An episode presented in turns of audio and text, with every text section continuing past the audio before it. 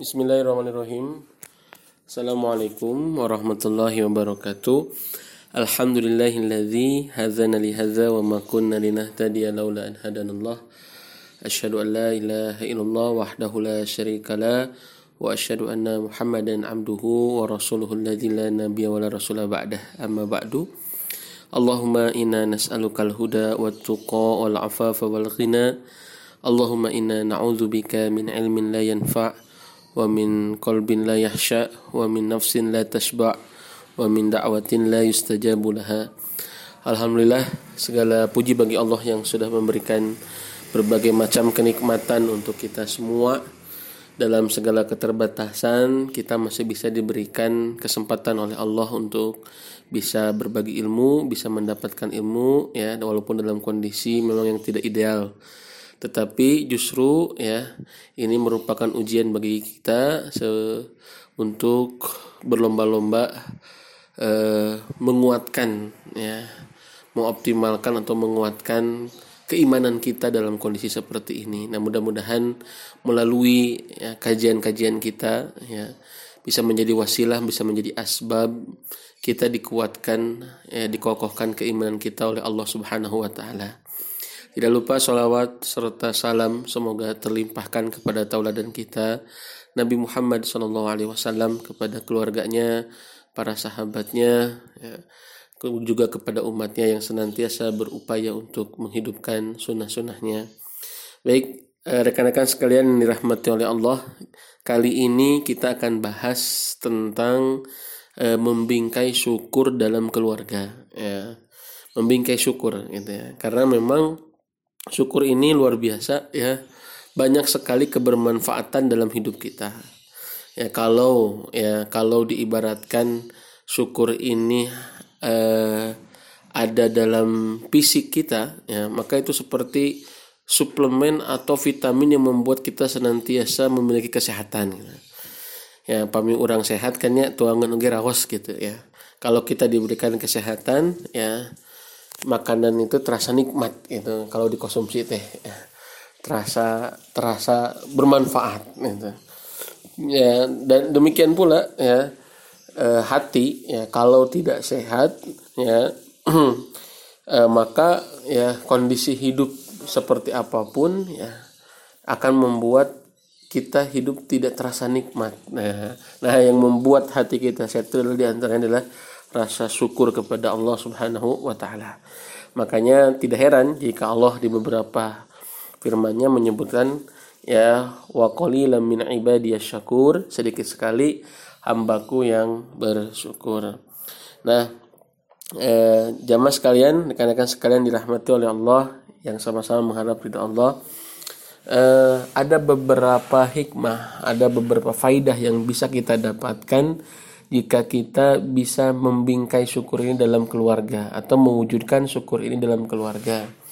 Yang pertama adalah kita memiliki kebahagiaan, itu ya. Dan kebahagiaan ini adalah keinginan semua orang. Tidak ada orang yang hidup di dunia tidak ingin bahagia. Semua orang yang hidup di dunia menginginkan kebahagiaan, ya, menginginkan kebahagiaan orang ya cari bekerja mencari nafkah menginginkan kebahagiaan. Ya begitu. Kemudian juga menafkahi dengan cara yang halal menginginkan kebahagiaan. Ya kemudian menikah menginginkan kebahagiaan. Memiliki anak memiliki rumah memiliki kendaraan menginginkan kebahagiaan. Ya semua orang hidup di dunia ya tentu menginginkan kebahagiaan. Tapi dari manakah bahagia itu datang? Dari manakah bahagia itu bisa kita dapatkan, bisa kita raih? Itu bukan dengan seberapa banyak ya duniawi yang kita miliki, materi yang kita dapatkan ya atau serata sosial yang kita miliki bukan itu ya. Tapi ya kita bisa mendapatkan kebahagiaan ketika kita memiliki rasa syukur kepada Allah. Ya, kita akan menjadi orang yang bahagia, akan menjadi orang yang beruntung ya di dunia dan tentu di akhirat. Nah, makanya inilah pentingnya rasa syukur. Ya. Ibnu Qayyim al Jauziyah yang mengatakan ada tiga ya rukun bahagia itu ya min sa apa namanya um, apa min, uh, min alamati sa'adah di antara tanda-tanda bahagia atau yang bisa membuat seseorang bahagia itu kata beliau di antaranya idza an'ama alaihi syakara jika dia memiliki eh, nikmat dia akan bersyukur kepada Allah Subhanahu wa taala dalam Quran surat Al-A'raf ya uh, di di Allah Subhanahu wa taala berfirman ya a'udzubillahi minasyaitonirrajim fadhkuru ala Allahi la'alakum tuflihun. Ini potongan ayat ya bahwa di dalam ayat ini ya Allah berfirman maka ingat-ingatlah nikmat Allah oleh kalian supaya kalian menjadi orang yang beruntung Imam Ash-Shawqani ya Ash-Shawqani rahimahullah dalam kitab tafsirnya Fathul Qadir menerangkan ya li'anna dzikrul ni'mah sababun ba'itsun li syukriha wa man syakara faqad aflaha. Ketika menafsirkan ayat ini, beliau mengatakan karena sesungguhnya mengingat-ingat nikmat Allah itu akan menumbuhkan rasa syukur ya Ya, li'anna dzikra nikmah sababun ba'itsun li syukriha akan melahirkan atau menumbuhkan rasa syukur kepada Allah. Wa man syakara faqad aflaha dan barang siapa yang bersyukur maka dia akan mendapatkan kebahagiaan. Itu ya. Maka dia akan mendapatkan kebahagiaan atau akan mendapatkan keberuntungan. Ya, dari mana keberuntungan kebahagiaan ini lahir ketika ada rasa syukur dan dari mana rasa syukur ini muncul adalah dengan mengingat ingat nikmat Allah. Jadi ini uniknya luar biasa. Satu sisi Allah berfirman, "Wa in ta'udu ni'matallahi la tuhsuha." Jika kalian menghitung-hitung nikmat Allah maka tidak akan pernah selesai bisa dihitungnya. Tapi sisi lain Allah pun mengingatkan kepada kita, memerintahkan kepada kita untuk mengingat-ingat nikmat Allah. E, mengingat nikmat Allah bukan untuk menghitungnya, tetapi mengingat nikmat Allah adalah untuk menyirami hati kita agar memiliki atau tumbuh rasa syukur kepada Allah wa man syakara faqad aflaha. Barang siapa yang bersyukur, dia bukan beruntung, dia akan bahagia. Maka keluarga yang bahagia adalah bukan seberapa banyak fasilitas dunianya. Ya, bukan seberapa mewah kendaraannya, bukan seberapa tinggi kedudukan sosialnya, ya bukan seberapa cantik dan ganteng pasangannya itu ya. Bukan seberapa pintar ya anak-anaknya ya anak-anaknya pintar orang tuanya nggak pernah bersyukur nggak pernah ada bahagia begitu ya anak-anaknya sudah disehatkan oleh Allah tapi orang tuanya nggak pernah bersyukur nggak akan bahagia begitu ya. Uh, suami istri uh, suami atau istrinya pasangan hidupnya memiliki banyak kelebihan ya memiliki banyak uh, kebaikan tapi ketika tidak bersyukur tidak akan bahagia. Begitu ya. Saya suka menganalogikan kepada beberapa pasangan ya begitu. Kepada para suami para istri ya jika wah terutama misalkan ya kepada para istri saya suka pada ibu-ibu ya saya suka ibaratkan kalau anda punya suami ya seganteng Nabi Yusuf gitu ya alaihi salam. Karena Nabi Yusuf ini kan laki-laki yang diberikan ya kegantengan setengahnya di antara laki-laki yang ada di dunia itu. Jadi lamun kagantengan deh ayah hiji gitu tah dibagi-bagi setengahnya saya ku Nabi Yusuf gitu ya kalau kegantengan ada satu di alam dunia ini setengahnya habis oleh Nabi Yusuf dan setengahnya dibagikan ke laki-laki sisanya yang ada di alam dunia. Ya kata Nabi ya utia Yusuf syatrul husni. Nabi Yusuf itu diberikan setengah kegantengan. Ya luar biasa.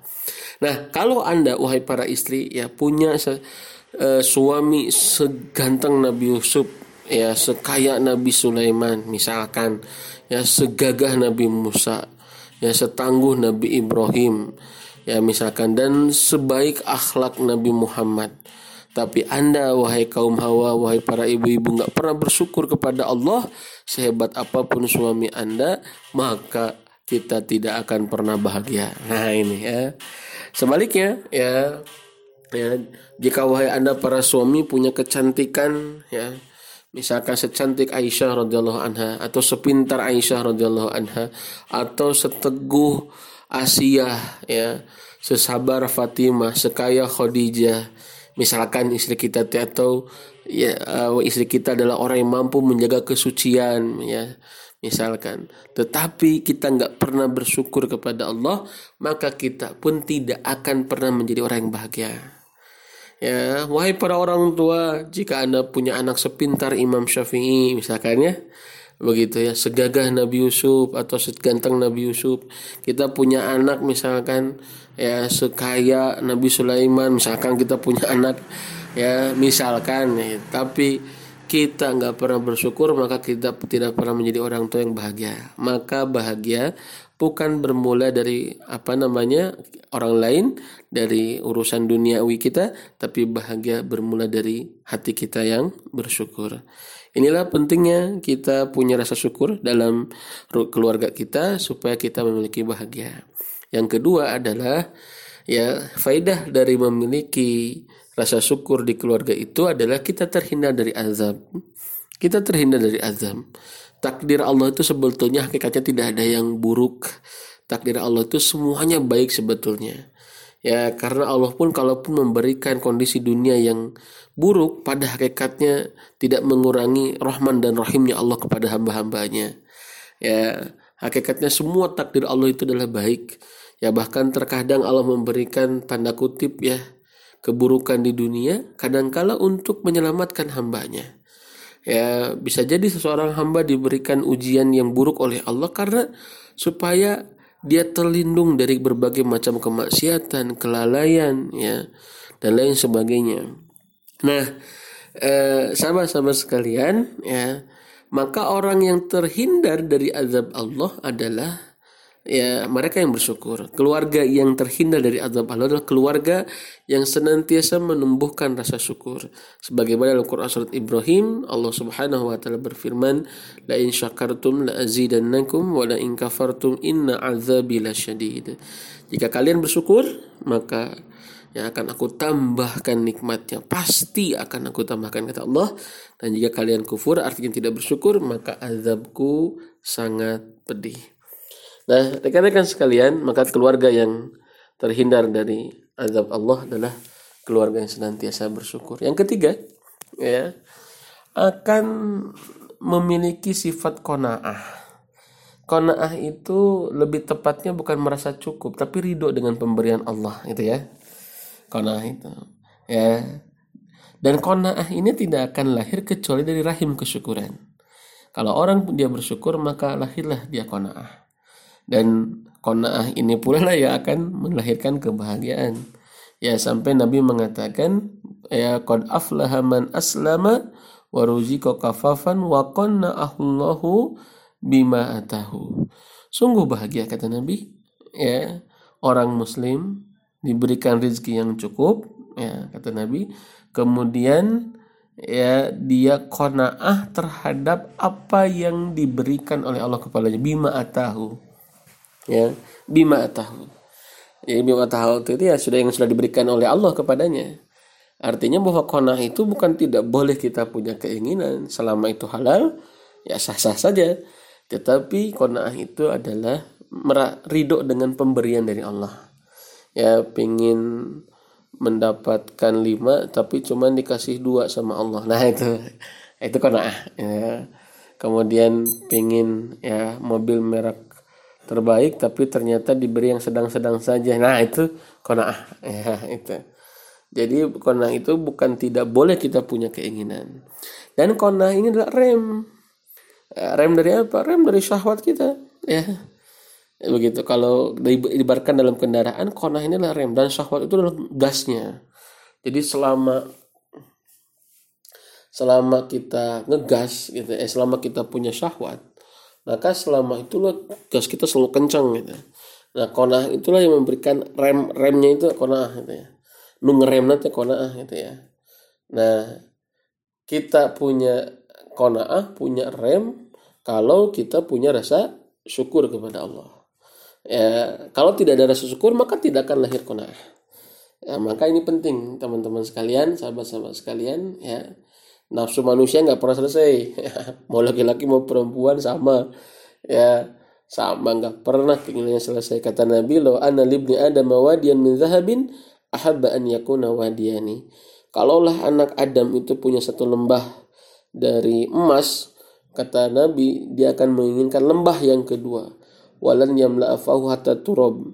Ya dan tidak akan pernah kenyang mulutnya itu sampai dia memakan tanah begitu ya wallah alam salam sampai dia memakan tanah Nah, eh, teman-teman sekalian yang dirahmati oleh Allah, ya, kona'ah ini bisa dimiliki ya kalau kita memiliki rasa syukur. Tidak ada kona'ah kayak kita naik kendaraan gak ada remnya. Dan saya yakin Anda tidak mau menaiki kendaraan semewah apa pun jika kendaraan itu tidak memiliki rem. Maka orang yang tidak punya kona'ah itu ya merusak dirinya dan merusak keluarganya. Suami tidak kona'ah, istri anak jadi korban ya. Istri nggak kona'ah, suami anak jadi korban orang tua nggak kona'ah nggak kona'ah anak jadi korban oh, anak nggak kona'ah orang tua bisa jadi korban ya makanya inilah pentingnya kita merawat menumbuhkan ya rasa syukur dalam hati kita agar kita memiliki sifat ini ya terakhir ya kenapa kita harus memiliki rasa syukur atau membingkai syukur ini dalam keluarga ya yang karena supaya hidup kita bisa lebih bersabar. Ya, kenapa? Sebab kesabaran itu bukan hanya dibutuhkan bagi orang yang fakir, bukan hanya bagi orang yang mendapatkan ujian buruk, termasuk ujian kebaikan, bukan hanya oleh Allah yang dibatasi nikmatnya, termasuk orang yang diberikan banyak nikmat pun sama, butuh kesabaran. Kata kata Imam Al Ghazali rahimahullah, kesabaran itu dibutuhkan bagi orang yang kaya dan dibutuhkan bagi orang yang fakir. Ali bin Abi Thalib radhiyallahu an mengibaratkan as-sabru alal iman karrosi alal jasad. Kata beliau, sabar dibandingkan amalan-amalan iman yang lain itu seperti kepala dibandingkan anggota jasad yang lain, anggota badan yang lain. Anda bisa bayangkan, tangan sehat, kaki sehat, jantung sehat. Ya, misalkan ya, kemudian lambung sehat, organ tubuh sehat semuanya. Tetapi nggak punya kepala, hidup nggak? Enggak ya. Sama teman-teman sekalian Ketika orang punya banyak nikmat tapi nggak pernah bersyukur, maka hatinya tidak akan pernah bisa hidup. Begitu ya. Maka ujian yang kecil pun akan terasa berat kalau tidak punya sabar. Mohon maaf ya. kalau tidak punya sabar. Inilah pentingnya sabar dalam kehidupan. Ya kalau sudah punya sabar, ujian seberat apa pun insya Allah bisa dihadapi. Maka dalam menghadapi ujian, ya rekan-rekan sekalian, dalam menghadapi ujian hidup ya terlebih dalam kondisi hari ini ya kita melatih kesabaran kita maka yang kita khawatirkan sebetulnya hakikatnya adalah kekhawatiran sesungguhnya yang harus kita rawat itu bukan tidak memiliki uh, rizki gitu ya karena selama kita hidup pasti dikasih rizki sama Allah jangan kan kita hewan aja yang nggak berakal dikasih rizki sama Allah ya jadi bukan khawatir tidak memiliki rizki, tapi kita khawatir bahwa kita tidak memiliki kesabaran.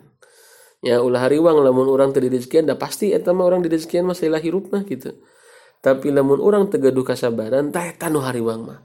Karena kalau sudah tidak punya kesabaran, ujian sekecil apa pun akan membuat hidup kita serasa sesak gitu.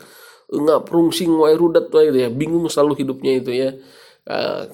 apa namanya terbelit dengan apa namanya kegalauan, kekhawatiran yang berlebihan. Kalau kita tidak punya sifat sabar ketika menghadapi ujian.